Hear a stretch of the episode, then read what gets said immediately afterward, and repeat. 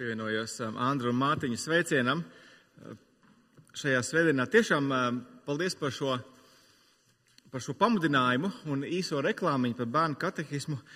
Viņš arī ir mūsu mājās. Mēs esam mēģinājuši to. Es neteiktu, ka viņš ir apaudzis ar putekļiem, bet viņš kaut kur kādā plauktā starp biezajām grāmatām noteikti ir iejucis.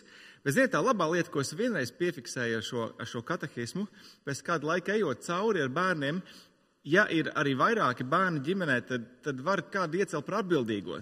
Ļoti vērtīgi aizpildās klusais laiks kādreiz, un tad viens no viņiem lasa, un pārējie sēž un atbild. Un tādā veidā viņi viens otru sāk pamudināt uz šo patiesību iegaumēšanu. Tas, tas iespējams strādā pat dažādos veidos. Bet, ko, draugi, ir liels prieks eh, kopā ar jums šajā svētdienā atgriezties, atgriezties pie šīs iedrošinošās, brīnišķīgās vēstules, ko apustulis Pāvils rakstīja draudzē Kolosās.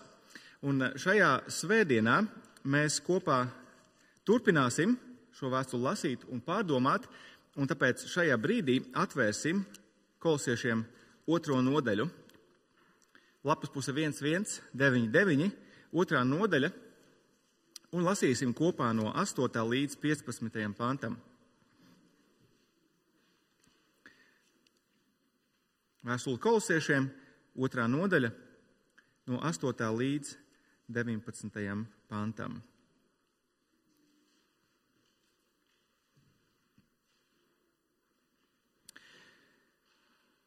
Raugieties, ka neviens jūs nepieviļ ar cilvēciskās gudrības tukšo maldināšanu, kas pamatojas cilvēku iedibinātās tradīcijās un pasaules pirmspēkos, bet ne Kristū.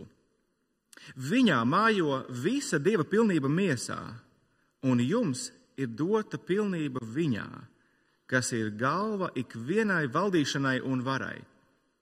Viņā jūs esat saņēmuši arī apgaizīšanu, ne to, kas rokām veikta, bet atbrīvoti no miesas dabas, jūs esat saņēmuši apgaizīšanu Kristū. Jūs esat līdz ar viņu apbedīti kristībā, kurā arī jūs caur ticību esat augšām celti Dieva spēkā. Tā spēkā, kas viņu atmodināja no mirušajiem. Jūs, kas bijāt miruši savos grēkos un miesā neapgraizīti, Dievs darīja dzīvus līdz ar Kristu, dāvādams mums visu grēku piedošanu. Dievs izdzēsa parādrakstu ar tiem noteikumiem, kas bija vērsti pret mums un to iznīcināja, pienaglodams pie krusta. Viņš atbruņoja visas valdīšanas un varas, un tās atklāti kaunā likdams svinēja par tām uzvaru Kristū. Tas ir kunga vārds, un pirms mēs to pārdomāsim, ļaujiet es vadīšu mūs pavisam īsā lūkšanā.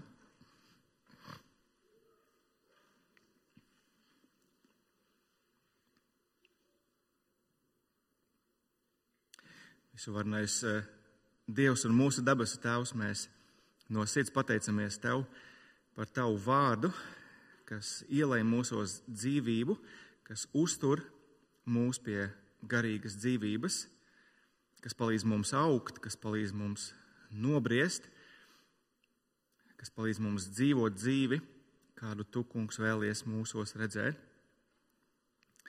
Kungs, šajā svētdienā mēs lūdzam, zinot to, cik bieži mums nav vienkārši klausīties tavu vārdu, cik bieži mūsu rūpes un raizes un domas par gaidāmo nedēļu mūs pārtrauc.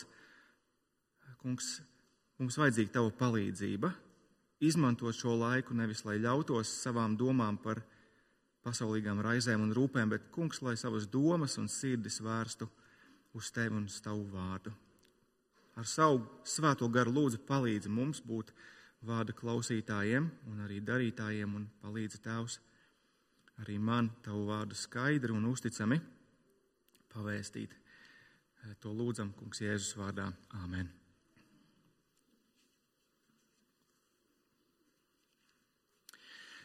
Kā tu uztver brīdinājumus savā dzīvēm?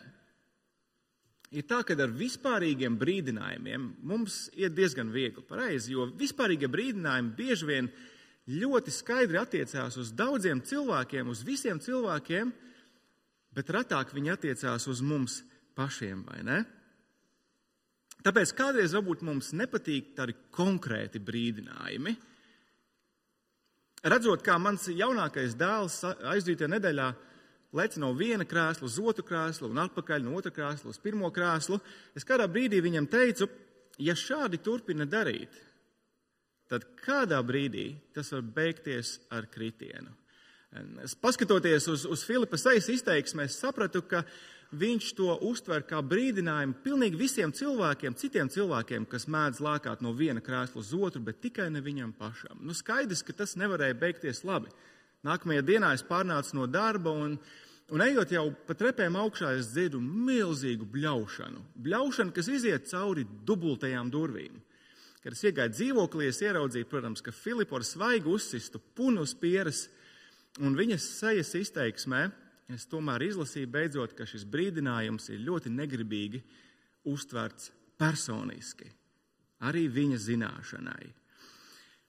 Vēlreiz ar vispārīgiem brīdinājumiem mums ir diezgan viegli, vai ne? Bet kāpēc mums kādreiz mazāk patīk konkrēti brīdinājumi? Ļoti vienkārši, jo, jo šie brīdinājumi kaut kādā ziņā apšauba mūsu spējas, mūsu zināšanas, un mūsu iemaņas. Piemēram, es varu ar patiesu rūpju vadīts eh, teikt savai sievai, kura grasās doties vai vest bērnus uz skoliņu, eh, tikai brauc uzmanīgi pie stūres. Bet Madara šos brīdinājumus var uztvert pilnīgi atšķirīgi, kā norādis to, ka viņa iespējams neveltīja manā skatījumā pietiekoši lielu uzmanību tam, kas notiek uz ceļa, vai ka viņa, ka viņa nespēs noreaģēt kādā krīzes situācijā pietiekami raiti, manā skatījumā. Un tāpēc šie konkrētie brīdinājumi kādreiz var nemaz nešķist tik, tik labi, tik patīkami. Kā tu uztver brīdinājumus kopumā savā dzīvē? Jautājums īstenībā ir arī mums, kā draudzēji, vai ne? Kā mums, kā draudzēji, būtu jāuztver dažādi brīdinājumi, kurus mēs skaidri ieraugām svētajos rakstos. Mēs zinām, ka mums tie ir jāuztver nopietni, mums tie ir jāņem vērā. Kāpēc? Jo tas ir veids, kā Dievs ir izvēlējies audzēt mūs kā kristiešus. Katrā ziņā tā uzskatīja apustulis Pāvils. Pāvila kalpošanas mērķis, kā mēs to pirms eh, dažām nedēļām redzējām, bija ikviena cilvēka nobriešana Kristū. Ja jums ir eh, Bībeles atvērts joprojām pirmās nodaļas 28. pants, ieskatieties, Pāvils saka, ka Kristu mēs sludinām, mudinot, un ja jūs atceraties, mātiņš paskaidroja šo vārdu, kas oriģināli ir brīdinot, un mācot cilvēkus visā gudrībā, lai ik vienu cilvēku darītu pilnīgu Kristu lai ik viens cilvēks nobriestu. Vēlreiz, vai ievērojat, kādā veidā Pāvils cer sasniegt to, ka kristieši nobriest? Pāvils uzskata, ka draudzē kolosās ir jāturpina augt caur mācīšanu, bet arī caur brīdināšanu. Īstenībā tā ir bijusi Pāvila stratēģija viscaur šajā vēstulē, Palieciet nedaudz kopā ar mani eh, vēl aizdītajos dažos pantos. Eh, jūs ieraudzīsiet. Pirmās nodaļas 20. pants mums ir Pāvila mācība. Pareizi, ieskatieties 20. pantā. Dievs ir sagādājis mierizlīgumu Kristū starp sevi un kolosiešiem, un pateicoties tam, Dievs dara viņus ar vien, ar vien līdzīgākus Kristum. Bet tas notiks pie nosacījuma vai brīdinājums. 23. pāns. Ja vien jūs paliksiet ticībā, Vēlreiz mācība, otrās nodaļas sākums, eh, pirmais līdz trešais pāns. Pāvils pauž to, cik ļoti viņš nopūlās, lai kolosieši kopīgi saprastu to, ka Kristū ir apslēpti visi gudrības un atziņas krājumi. Pie tā Pāvils nopūlās. Kāpēc Pāvils to saka? Brīdinājums, otrās nodaļas, ceturtais pāns. To es jums saku, lai neviens pārliecinoši runādams jūs nepieviltu. Mācība brīdinājums, mācība brīdinājums. Pāvils cer sasniegt savu nolūku, lai kolosieši kļūst pilnīgi Kristū. Vai Pāvila brīdinājumi norāda to, ka kolosieši ir ārkārtīgi lielā bīstamībā pēkšņi atkrist no, no, no ticības vai meklēt gudrību kaut kur citur? To īsti mēs vēstulē neieraugām. Nē. Pāvils jau pateicās Dievam par viņu ticību un mīlestību Kristu, ja pirmajā nodaļā. Pāvils ar prieku vēro to, kā kolosieši stipri un nelokāmi stāv ticībā Kristū. Eh, otrās nodaļas, piektajā pantā, Pāvils ir ļoti priecīgs un ļoti pateicīgs par šiem kristiešiem. Bet vienlaikus Pāvils zina, kā cilvēki kopumā uztver brīdinājumus. Drīzāk kā vispārīgus brīdinājumus. Tie attiecās uz daudziem citiem, uz citām draudzēm vai citiem kristiešiem. Un tāpēc, draugi, šodienas raksturvieta iesākas ar konkrētu brīdinājumu, kam seko mācība. Atkal brīdinājums šoreiz un mācība. Kaut kur tas jautājums, es domāju, ir arī mums, kā mēs, kā mēs kā draudze uztversim šo Pāvila brīdinājumu. Un Pāvils es noteikti sagaidīju, ka draudzene kolosā šo brīdinājumu uztver personiski un pietam nopietni. Astotais pants, Pāvila brīdinājums, lai neviens jūs nepieviļ. Ieskatieties 8. pantā, raugieties, ka neviens jūs nepieviļ ar cilvēciskās gudrības tukšo maldināšanu, kas pamatojas cilvēku iedibinātās tradīcijās un pasaules pirmspēkos, bet ne Kristū. Mēs redzējām, ka Pāvils ir ļoti rūpīgi izklāstījis draudzē to, ka viss, ko vien kristietis varētu gribēt, atrast šajā pasaulē, tas viņam ir jāmeklē Kristu. Kāpēc? Jo Kristus ir neredzamā Dieva attēls. Tas ir dieva, visa Dieva pilnība mājo Kristū. Mierizlīgums ar Dievu ir atrodams Kristū. Visas gudrības un atziņas krājumi ir Kristū. Un tāpēc, 2,6. Tā kā jūs esat pieņēmuši Kristu Jēzu par kungu, tad viņā arī dzīvojiet, iesakņojieties to pie kā nams, kas uz viņa būvēts, esiet ticībā stipri, kā esat mācīti pāri plūzdami pateicībā. Redziet, neturpināt dzīvot, neturpināt iesakņoties un stiprināties ticībā Kristū Pāvils saka, nozīmētu lecienu atpakaļ tumsā, no kuras tēvs tik žēlsirdīgi ir izrāvis kristiešus.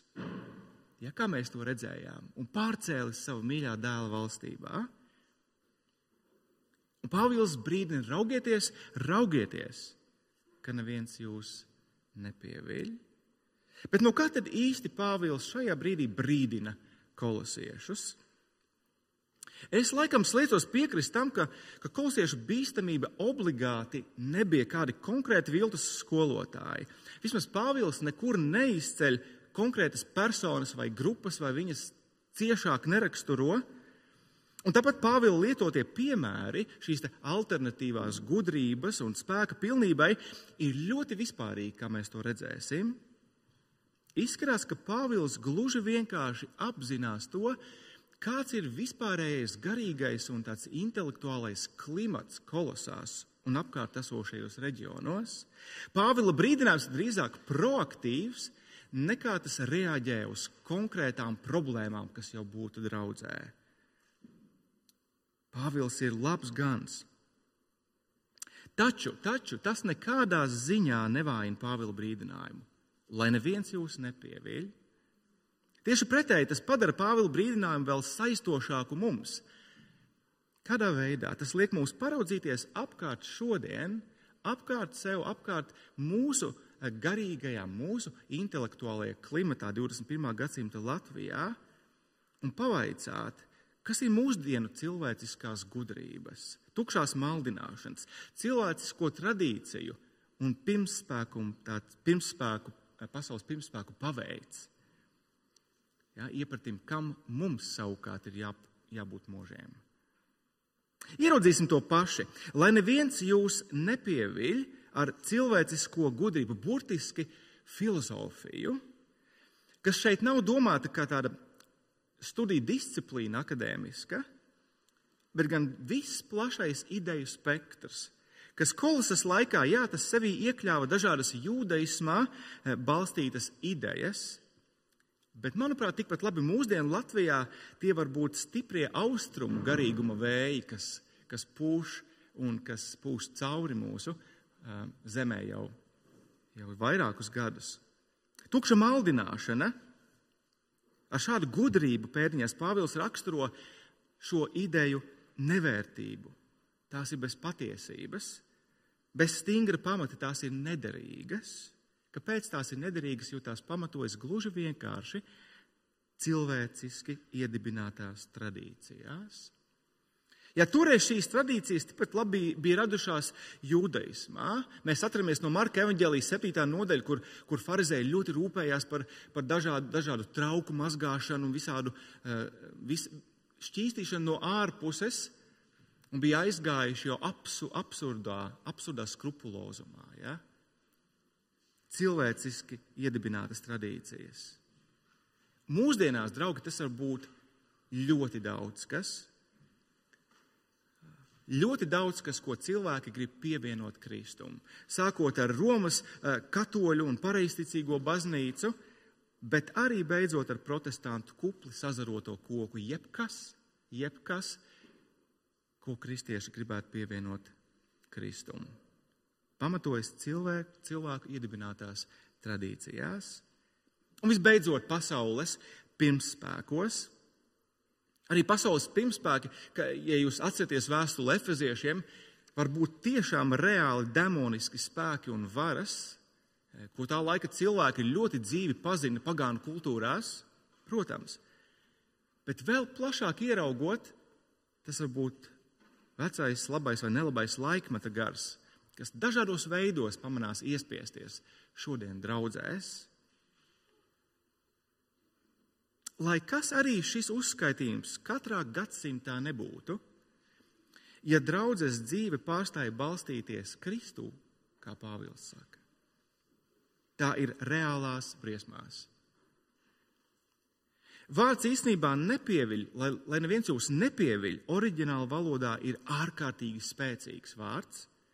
Tas norāda uz, uz kādu, kurš tiek sagrābts un aizvests verdzībā sagrābts, sasiests un aizvests verdzībā, laupīta brīvība. Lai neviens jūs nesagūsta, nepaverdzina ar dažādām saistošām un aktuālām idejām, mācībām, ideoloģijām. Cik mēs esam modri? Padomāsim uz brīdi, cik mēs esam modri kā draugi šodien, pret dažādām idejām, dažādām mācībām, filozofijām, ideoloģijām, pat pret dažādām teoloģijām. Es atceros gadījumu pirms daudziem gadiem, kad, kad viena persona kādā grupiņā pilnīgi no zila gaisa uzdeva jautājumu, it kā nevainīgu jautājumu. Viņa teica, Klau, kāpēc, kāpēc mēs nelūdzam par sātanu? Nu, lai Dievs glābj sātanu nu, tad jau viss būs labi. Arī sātens būs izglābts, vairāk nebūs ļaunumu. Nu, tā ideja attīstās, vai ne? Es nezinu, kā, tas, kā tur toreiz beidzās šīs idejas attīstība, bet man nākas atzīt, domājot par šo personu, tā joprojām nav tikusi uz veselās mācības ceļa. It kā viena ideja, nevainīgi iemesta kristiešu vidū, lai neviens jūs nepavēdzina, lai neviens jūs nesagūsta ar dažādām idejām. Tiesa, es domāju, mūsdienās ļoti bieži šīs nebūs tādas šokējošas idejas, tā teikt, no kreisā flanga, kas nāks no, no zila gaisa, tādas, kuras ir tādas acīm redzami absurdas. Ļoti bieži tās būs pat ļoti labas, konservatīvas idejas, kurām mēs lielā mērā pieslēgsimies un mēs māsim daudzām no viņām ar galvu. Šīs idejas izgaismos, piemēram, LGBT plus ideoloģiju vai, vai sociālā dzimuma absurdo ideoloģiju vai, vai politkorektuma liekulīgo ideoloģiju. Un mēs varēsim pieslēgties ja, kādām no šīm cilvēku grupām vai organizācijām. Mēs varēsim pieslēgties tādā ideju līmenī. Bet, bet draugi, tas nenozīmē, ka kristiešiem ir jāpieņem konservatīvisma reliģija. Mums ir jāpieņem vienīgi Kristus. Vienīgi Kristus.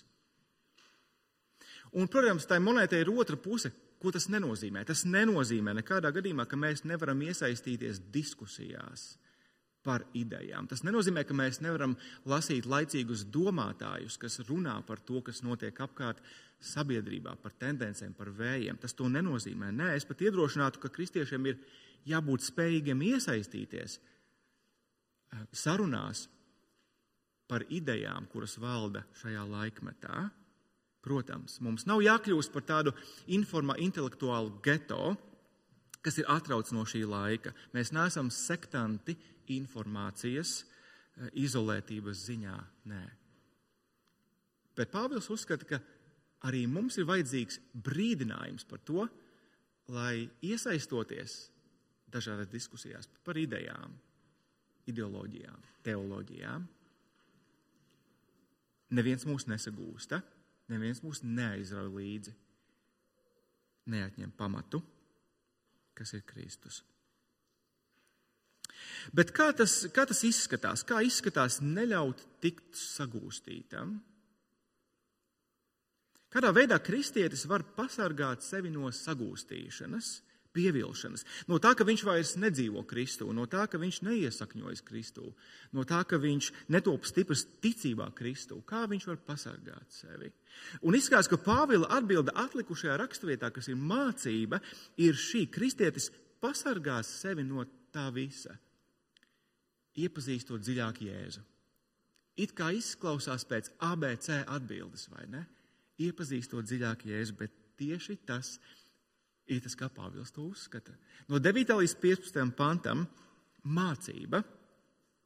Un Pāvila mācības lielais virsraksts mums ir: Kristū jums ir viss. Lai neviens jūs nesagūst ar to, ka jums ir kaut kas vēl, vēl vajadzīgs, jo Kristū jums ir viss. Kristieši savienībā ar Kristu ir līdzdalīgi visā tajā, ko Kristus ir ieguvis.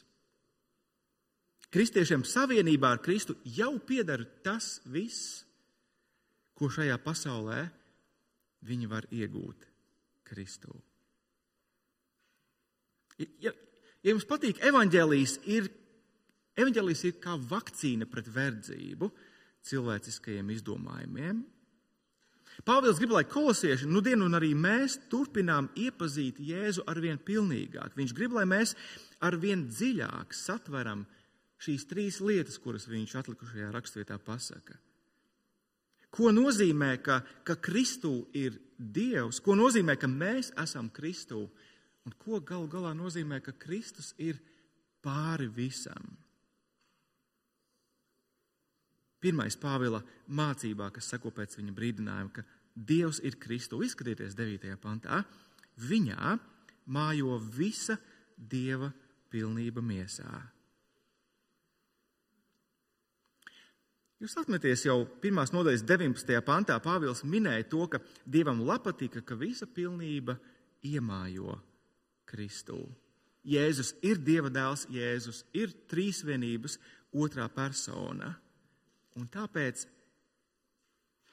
ja kristietis sagūsta idejas, ideoloģijas, kas paņem prom viņu no Kristus, tās baisās sakas ir tajā, ka tās paņem viņu prom no Dieva. Vai mēs izjūtam šī apgalvojuma svaru, smagumu? Ja kristieti caur idejām un ideoloģijām paņem prom no Kristus, viņu paņem prom no Dieva. Jo redziet, Jēzus nebija vienkārši dieviņš. Jēzu nebija vienkārši kaut kas dievišķs. Nē, Jēzus, Jēzu mājoja visa pilnība miesā, visa dieva pilnība miesā. Simtprocent dievs, simtprocent cilvēks. Iespējams, kolosās šajā viņu reliģiskajā klimatā valdīja uzskats, ka visu pilnību ir iespējams iemantot pielūg, pielūdzot vienīgi visas varas tad tu dabūsi visu pilnību. No katra to labāko, no katra to derīgāko. Šis Dievs ir labākais Dievs lauksaimniecībā. Pienesīsim viņam upuri. Šis Dievs ir labākais Dievs zemkopībā. Pienesīsim arī viņam upuri. Zvejniecībā pienesīsim tam Dievam upuri. Šis Dievs ir labākais Dievs mīlestībās. Tam noteikti mums ir jāpienes upuris. Dosim katram, katram, lai saņemtu panākumus un kopumā būs pilnība. Pāvils saka, nē, kopumā nebūs pilnība. Kopumā būs verdzība. Ja tevi sagūsta idejas, ideoloģijas vai pat teoloģijas, kas paņem prom tevi no Kristus, tad tas paņem tevi prom no Dieva. Tāpēc Pāvils brīdina, lai neviens jūs nesagūsta, nepaverdzina.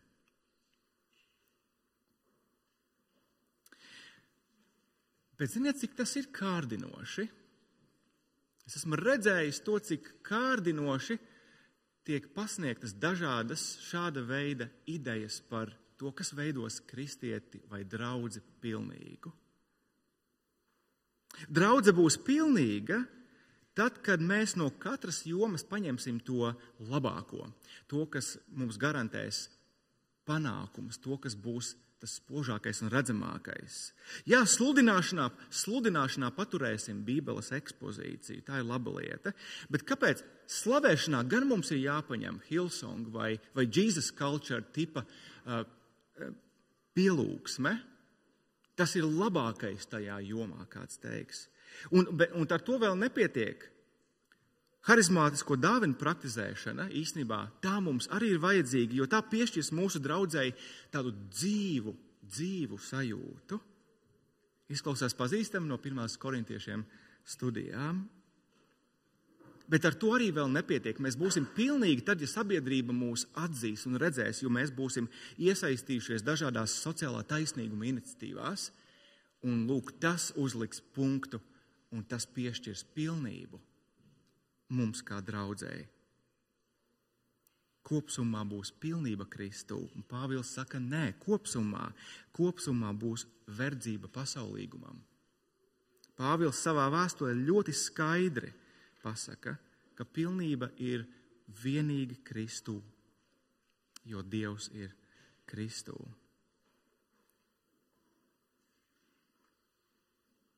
Kāpēc ir, kāpēc ir tik svarīgi satvert to, ka ka Kristū ir Dievs, ka Kristū mājo visa Dieva pilnība miesā? Vai nu tā, ka mēs tik, tikko par to domājām kopīgi lieldienās? Ja pie krusta netika piesists simtprocentīgi cilvēks, kurā mājo simtprocentīgi Dievs, tad mūsu attaisnošana nav īsta.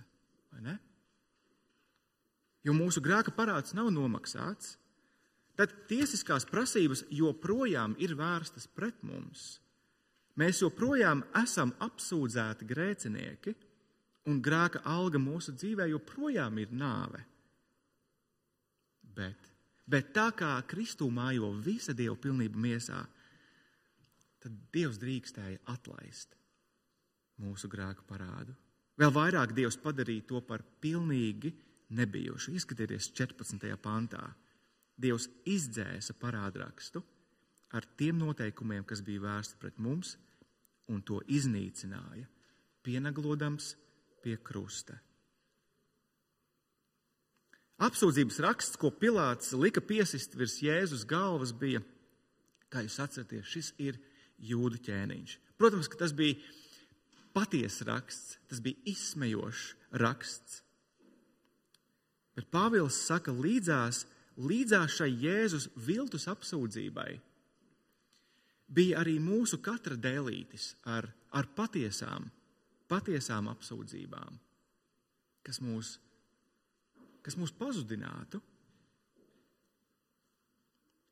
Mūsu grēka parādraksts, bet Kristus to paņēma sev līdz pie krusta, un tur šis parādraksts tika nodzēsts.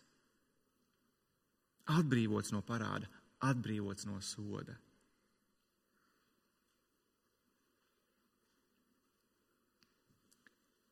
Dievs Kristū. Un tas jautājums ir kaut kādā ziņā, kāpēc mēs jebkad raudzītos, vai ne? Kāpēc mēs jebkad raudzītos kaut kur citur pēc drošības, miera, pilnības? Kā Vēstules ebrejiem autors desmitajā nodaļā teica, ar, ar vienu upuri viņš uz visiem laikiem darīs pilnīgus tos, kam jātop svētiem. Bet kur ir grēku piedošana, tur vairs nav upura par grēkiem. Viss piepildīts, nodzēsts, samaksāts. Nav nepieciešams meklēt pēc atkārtot vai jauna veida, kā tikt galā ar savu grēka parādu. Nav. Tas ir izdarīts. Vai tie būtu darbi, vai tie būtu rituāli, vai tas, vai tas būtu jebkas cits. Apzināti darīt to, apzināti meklēt veidu, kā kaut kā izpirkt savus grēkus vai darbu. Nozīmē krist atpakaļ gūstā. Tas nozīmē tikt atpakaļ sagūstīšanā, nebrīvē. Krist gūstā cilvēciskajām gudrībām un tradīcijām lai neviens jūs nesagūsta. Kādā veidā kristietis tātad var pasargāt sevi no sagūstīšanas un pievilšanas? Pāvils saka, iepazīstot dziļāk Jēzu, to, ka Dievs, eh, viņā mājo visa Dieva pilnība miesā, ka Dievs dzīvo viņā. Bet Pāvils neapstājas šeit. Ja Kristus ir kļuvis par mūsu kungu, nodzēšot mūsu grēku parādu, tā kā jūs to esat pieņēmuši, Pāvils teica. Tam ir jāparādās jūsu dzīvē. Dzīvojiet viņā. Citiem vārdiem sakot, jūs netiksiet aizrauti cilvēcisko gudrību verdzībā, dažādu ideju, ideoloģiju verdzībā, ja satvērsiet otrkārt, ka jūs esat Kristū. Ieskatieties 10. pantā, 10. Eh, panta pirmajā pusē, un jums ir dota pilnība viņā, pilnība Kristū. Kristieši savienībā ar Kristu ir līdzdalīgi visā, ko Kristus ir ieguvis. Kristiešiem savienībā ar Kristu jau ir un pieder viss, ko viņš šajā pasaulē varētu gribēt iegūt. Kristū. Un atslēga šeit ir, vai ne, vārdā viņā, pareizi. Vecais tulkojums, manuprāt, tika bišķiņ labāk akcentē otrās nodaļas 6 un 7 pantu. Tad, nu, Kristu Jēzu pieņēmuši dzīvojiet viņā, sakņodamies viņā, augdami viņā, viņā. Mūsu savienībā, mūsu saiknē ar Kristu Dievs mūs ir padarījis pilnīgus. Tu esi kristietis, tu esi pilnīgs. Pāvils nekļūdās. Viņš lieto tagadnes izteiksmi apzināti, ja mēs jau esam pilnīgi Kristū. Es zinu, tas ir pārsteidzoši, mums ir grūti tam noticēt, bet tā ir patiesība, ko vārds pasludina. Kādā veidā tas notika? 11. pāns. Viņā jūs esat saņēmuši apgaizīšanu. Tik ārkārtīgi neprasts veids, kā vienam jūdam, Pāvilam, runāt uz, uz pagānu, kristiešiem, kolosiešiem. Bet Pāvils šeit, šeit uzreiz paskaidro, par kāda veida apgaizīšanu viņš runā. Ne to, kas rokām veikta, bet atbrīvoti no miesas dabas. Grāmatā autors un, un komentētājs Pīters O'Briens ļoti spēcīgi ir izteicies apkopojis šo patiesību. Šī ir apgaizīšana, kas ir saistīta nevis ar mazas miesas daļiņas noplēšanu, bet gan ar vardarbīgu visa ķermeņa aizvākšanu nāvē. Grafiski nedaudz. Bet lai mēs saprastu, un tieši to Pāvils grib pateikt ar šiem tēlainiem izteiksmes līdzekļiem, jūs Kristu nomirāt. Kas notika ar Jēzu, notika ar mums. Jēzus nomira, mēs nomirām kopā ar viņu. Jēzus augšām cēlās no mirušajiem, arī mēs ticībā augšām cēlāmies Dieva spēkā, tā spēkā, kas viņu uzmodināja no mirušajiem. Bet ja, bet, ja mēs nomirām Kristū, tad kāpēc, kāpēc Pāvils tomēr izvēlas runāt um, šādi? Nevis, ka, ka jūs nomirāt Kristus nāvē, bet, bet gan jūs saņēmāt apgaizīšanu Kristū.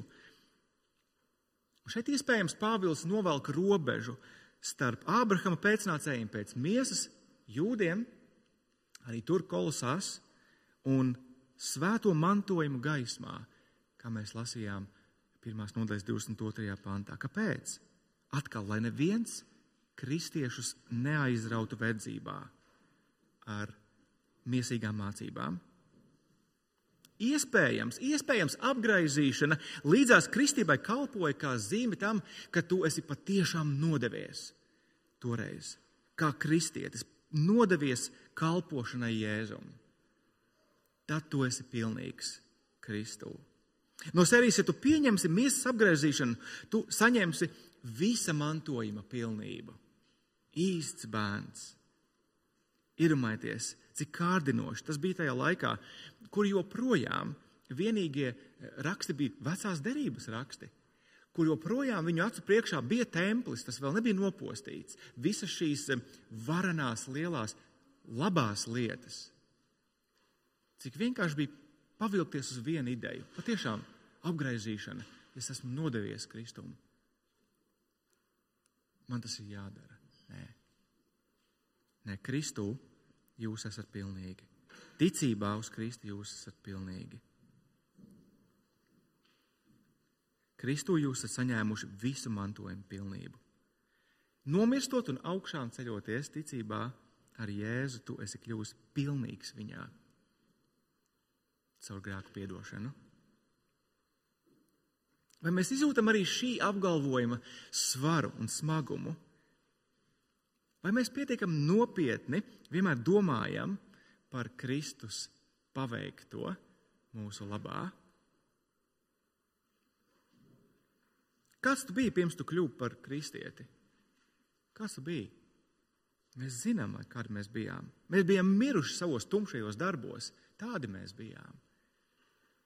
Kāds tu tagad esi? Tagad es esmu dzīvs, un tagad es esmu pilnīgs. Man ir piedots. Ielūkoties 13. pantā, jūs, kas bijāt miruši savos grēkos un miesā neapgaizīti, Dievs darīja dzīvus līdz ar Kristu, dāvādams mums visu grēku piedošanu.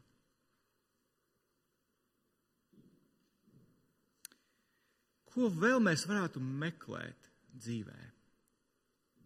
Draugi, lai kas tas būtu, lai kas tas būtu, ko mēs meklētu, mums tas ir jāmeklē Kristū.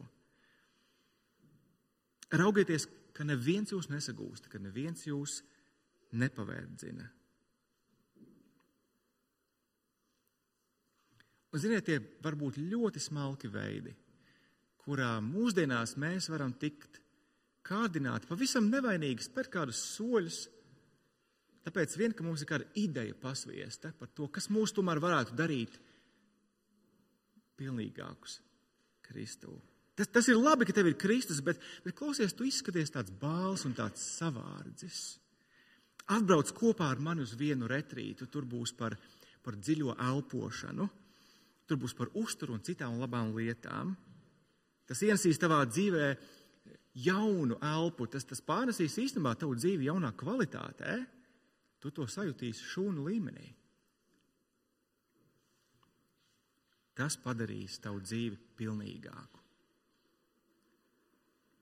Draugi, domāt par veselību katrā ziņā ir labi. Nepārprotiet mani. Miegs, uzturas, aktīva, aktīva darbošanās svaigā gaisā ir vajadzīgas lietas. Bet tās nevienu nepadarīs pilnīgāk.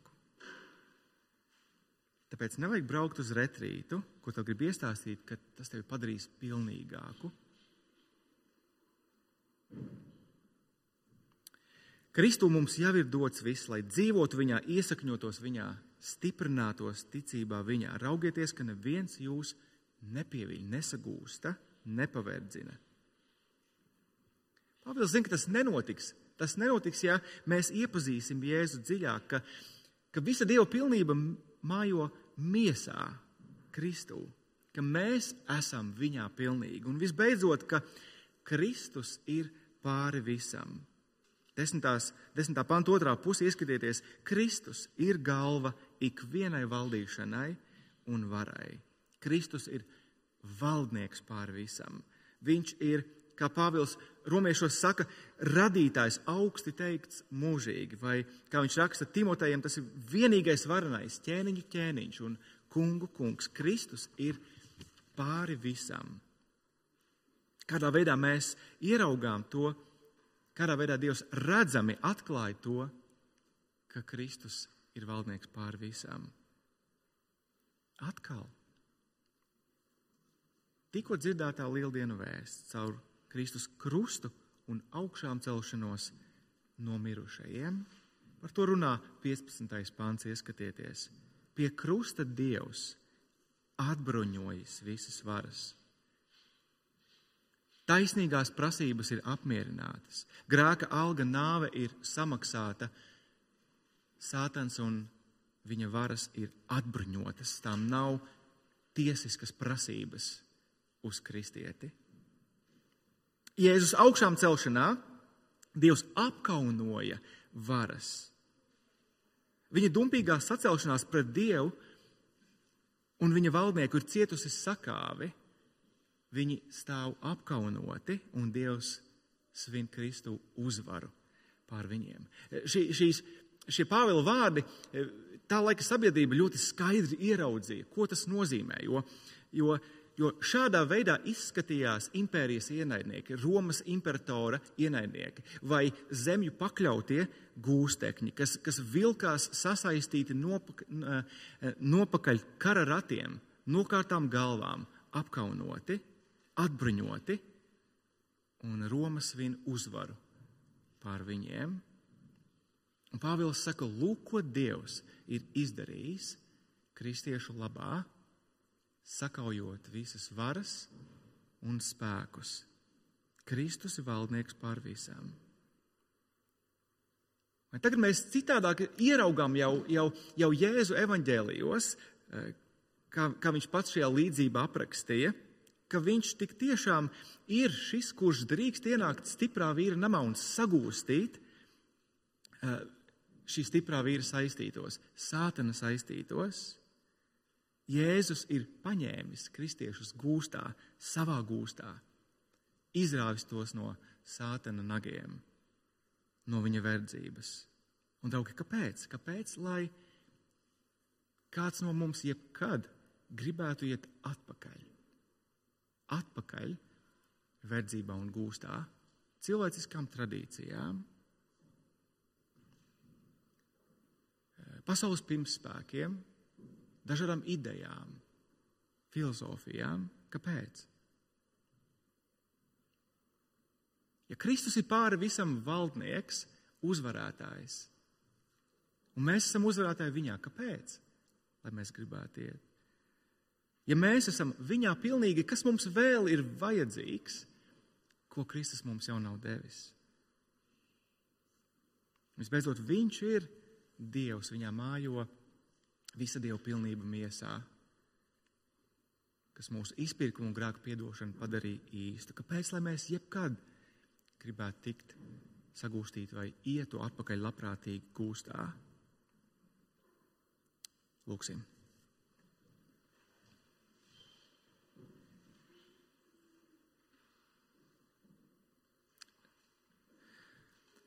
Raugieties, ka neviens jūs nesagūsta ar cilvēciskās gudrības tukšo maldināšanu, kas pamatojas cilvēku iedibinātās tradīcijās un pasaules pirmspēkos, bet ne Kristū.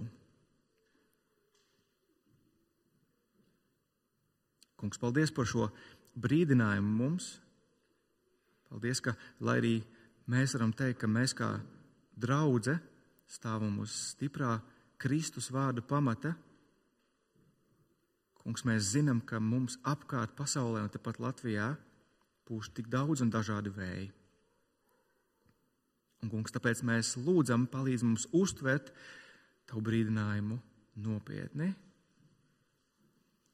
un noglabāt tavu mācību, kas mūs uzturēs dziļi sirdī. Paldies, ka Jēzu mums ir pilnīgi viss. Jo tu esi viņām, viņām mēs esam pilnīgi, un Jēzus ir uzvarētājs pār visam. Palīdz mums veldzēties un stiprināt vienam otru šajā patiesībā. Amen!